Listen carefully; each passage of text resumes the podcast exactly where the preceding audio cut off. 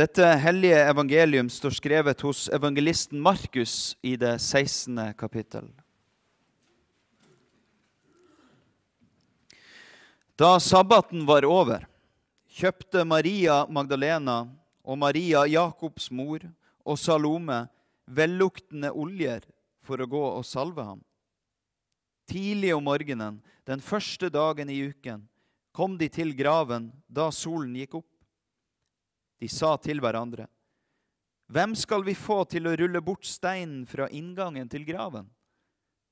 Men da de så opp, fikk de se at steinen var rullet fra. Den var meget stor.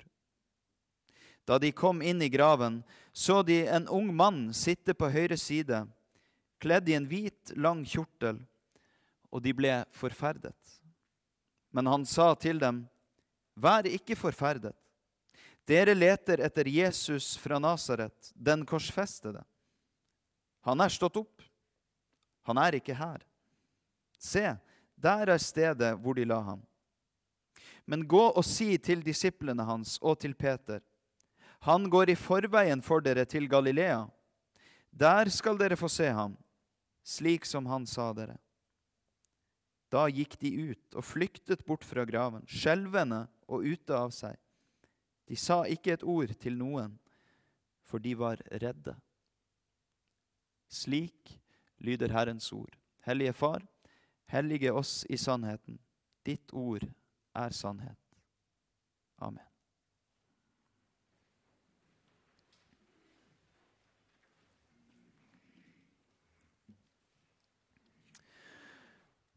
Det er påske, og påsken den preger ennå vår eh, kultur. I hvert fall med noen sånne annerledes dager nå på våren. Og ennå er det vel eh, en del blant den jevne befolkninga som vet eh, at det er noe spesielt med de her dagene. Palmesøndag og skjærtorsdag, og langfredag og påskedag. For det er nemlig noen lange røtter som strekker seg helt tilbake til hendelsene rundt Jesus de siste dagene i Jerusalem. Men nå skal vi gå enda lenger tilbake. For hva er den første påske? Jo, det var da israelsfolket ble utfridd fra Egypt. Selve ordet påske kommer jo derifra. Pesach, det betyr gå forbi. Og det var det dødsengelen gjorde da israelsfolket strøk blodet fra påskelammet på dørstolpene sine. De som ikke hadde blod på dørstolpene, de fikk oppleve at den førstefødte i huset døde. En streng dom. Og det var det siste tegnet Gud gjorde for at farao skulle la folket dra. Men så er ikke fortellinga over der. Vi hørte at Gud gjorde faraos hjerte hardt. Han gjorde faraos hjerte ubøyelig. Det er en vanskelig ting å forstå seg på. Men det begynner ikke der. Det begynner med at farao gjør sitt eget hjerte hardt når Gud henvender seg til ham. Og det som skjer da, det er at Gud gir han mer av det samme. Igjen og igjen viser han farao sine tegn, med det resultat at faraos hjerte blir hardere og hardere. Det er en viktig advarsel til oss i dag også. Hvis vi gjør hjertet vårt hardt mot Guds tiltale til oss, så vil det dra oss i samme retning. Alt som da kommer til oss ifra Gud, vil da forherde hjertet vårt enda mer. Derfor så må vi være våken, så vi lytter når Gud taler, og lar det få virke på hjertet vårt. Og Nå har vi fått høre selve høydepunktet i denne påskefortellinga. Israelsfolket de har fått dra ut av Egypt. Men nå er faraos hjerte så hardt at han angrer sin beslutning. Og Samtidig så blir det her en del av Guds plan. For han vet hvordan kongen vil reagere.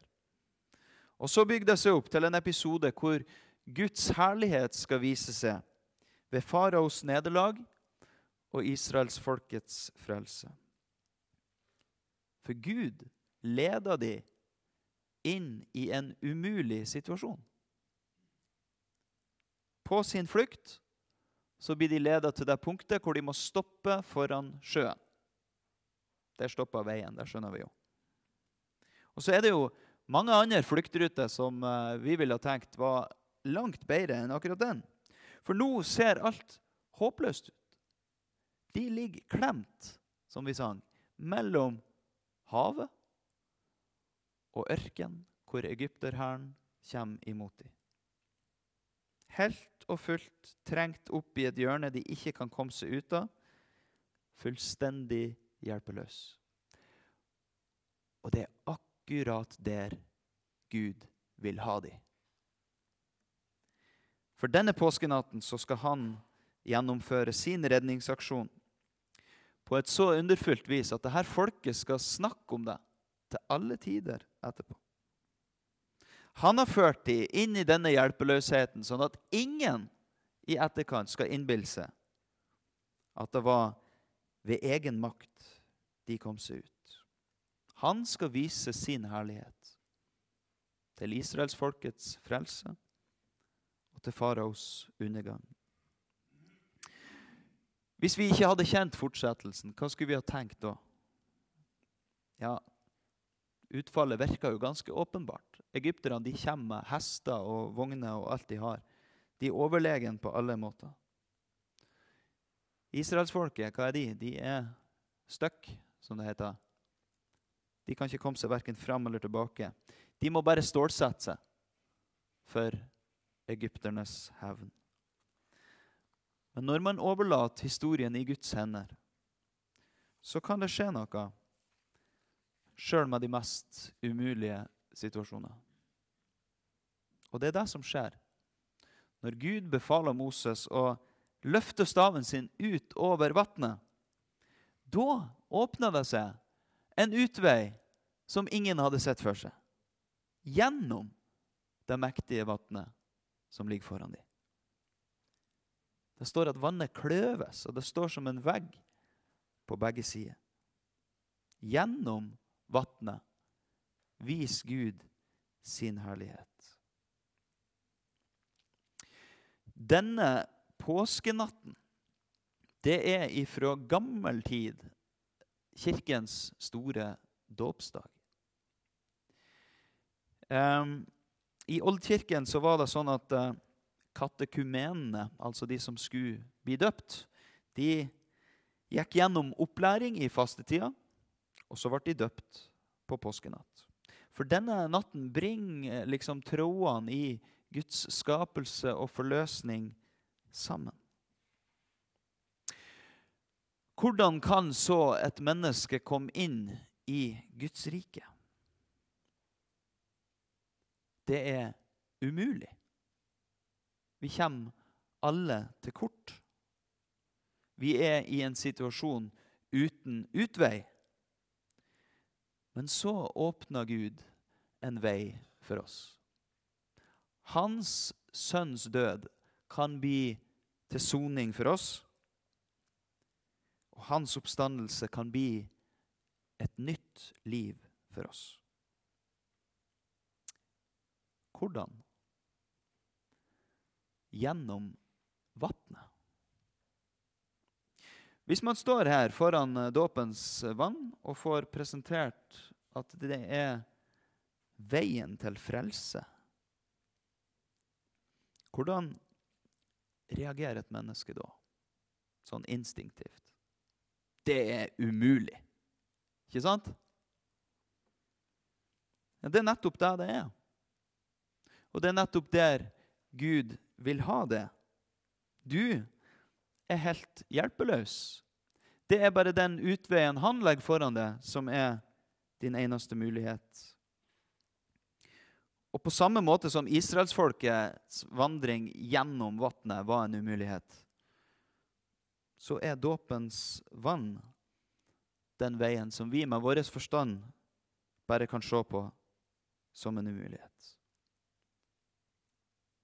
Men du må huske på en viktig ting. Ingenting er umulig for Gud. Og hvordan var det så med dåpen? Hva får du gjort der? Ingenting. Du må stole på Guds løfter. Stol på at Han griper inn og fører det velberga over. Da kan ikke du si at det var ved din egen makt. Nei, det var ved Guds inngripen alene. Da er det her vannet blitt ditt gravsted sammen med Jesus. Og da er du også blitt reist opp til et nytt liv sammen med han. Du er kommet over på den andre sida. Og da må jo alt bare var herlighet og velstand.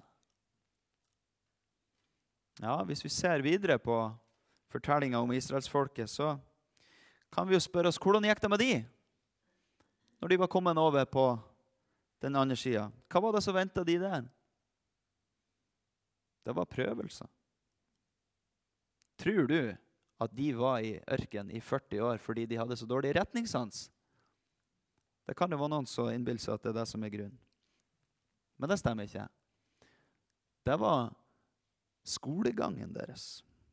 Og Hvis vi koker ned 40 års skolegang til én setning, så blir det følgende Stoler dere på Herren? Når de møter motgang, situasjoner som ser umulig ut, stoler dere på Herren? Og så ser vi gang på gang at nei, det gjør de ikke. De begynte å klage på situasjonen. De begynte å lengte tilbake igjen til Egypt. Tenk på det. Der de hadde vært 400 år i slaveri, så lengta de tilbake. De hadde jo kjøttgryte og sånne gode greier der.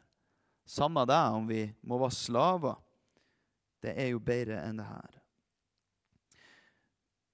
Hvis du leser hebreerbrevet, så får du vite at hele den fortellinga der er skrevet som et eksempel for oss. En advarsel.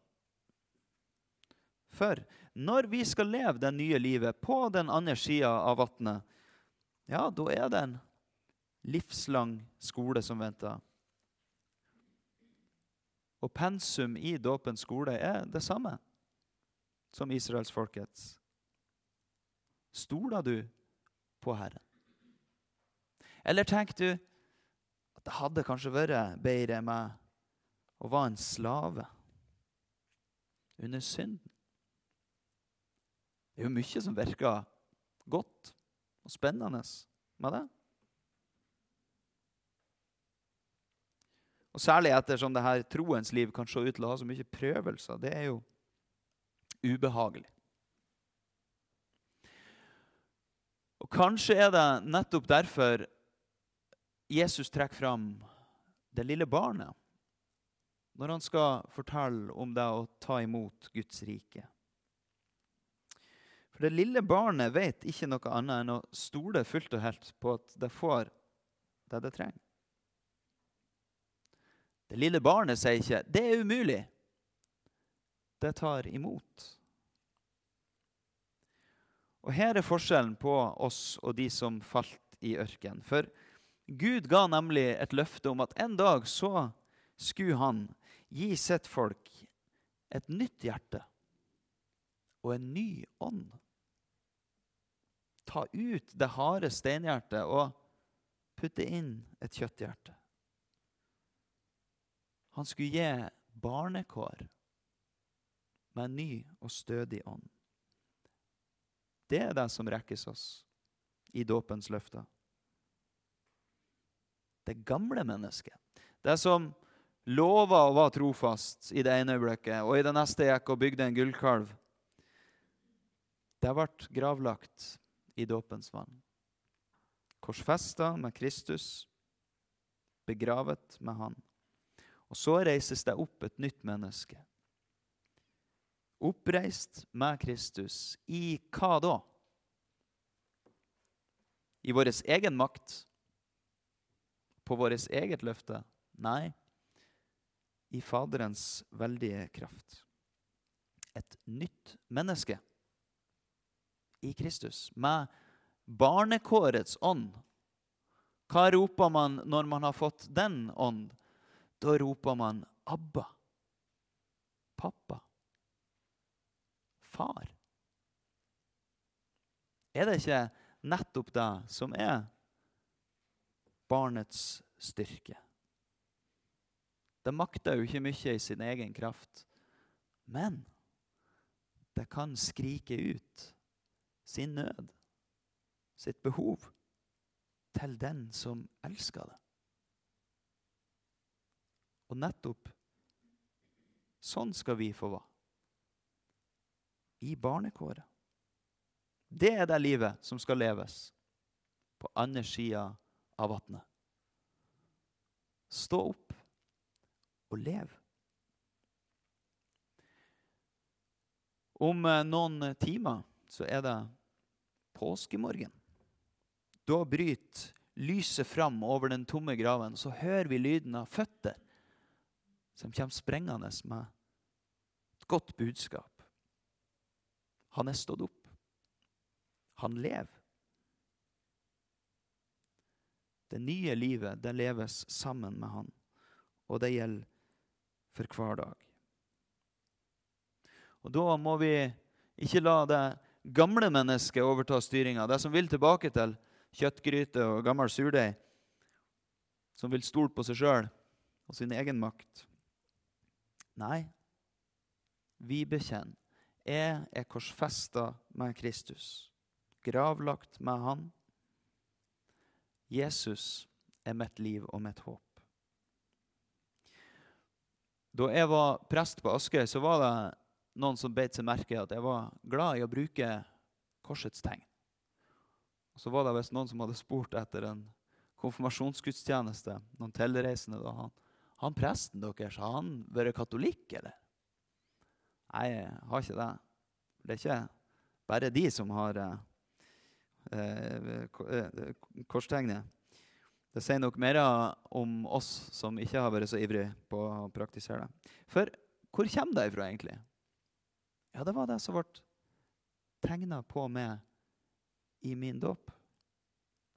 Når jeg repeterer det, så er det et vitnesbyrd for de som er rundt meg, og en påminnelse til meg sjøl om hvem jeg tilhører. Dyrt er jeg kjøpt og berga til et evig liv av Han som ga livet sitt for meg. Stoler vi på Han? Ja, det finnes ikke noen andre som det er mer verdt å sette sin lit til. Han er vårt levende håp. Ære være Faderen og Sønnen og Den hellige ånd, som var, er og være skal, en sann Gud, fra evighet og til evighet. Amen.